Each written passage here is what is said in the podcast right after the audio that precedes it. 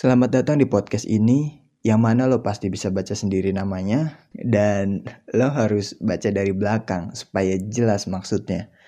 Jadi di sini gue bakal ngomongin banyak hal yang pasti gak harus terkotak-kotakan juga. Langsung aja sebelumnya salam kenal nama gue Fajar.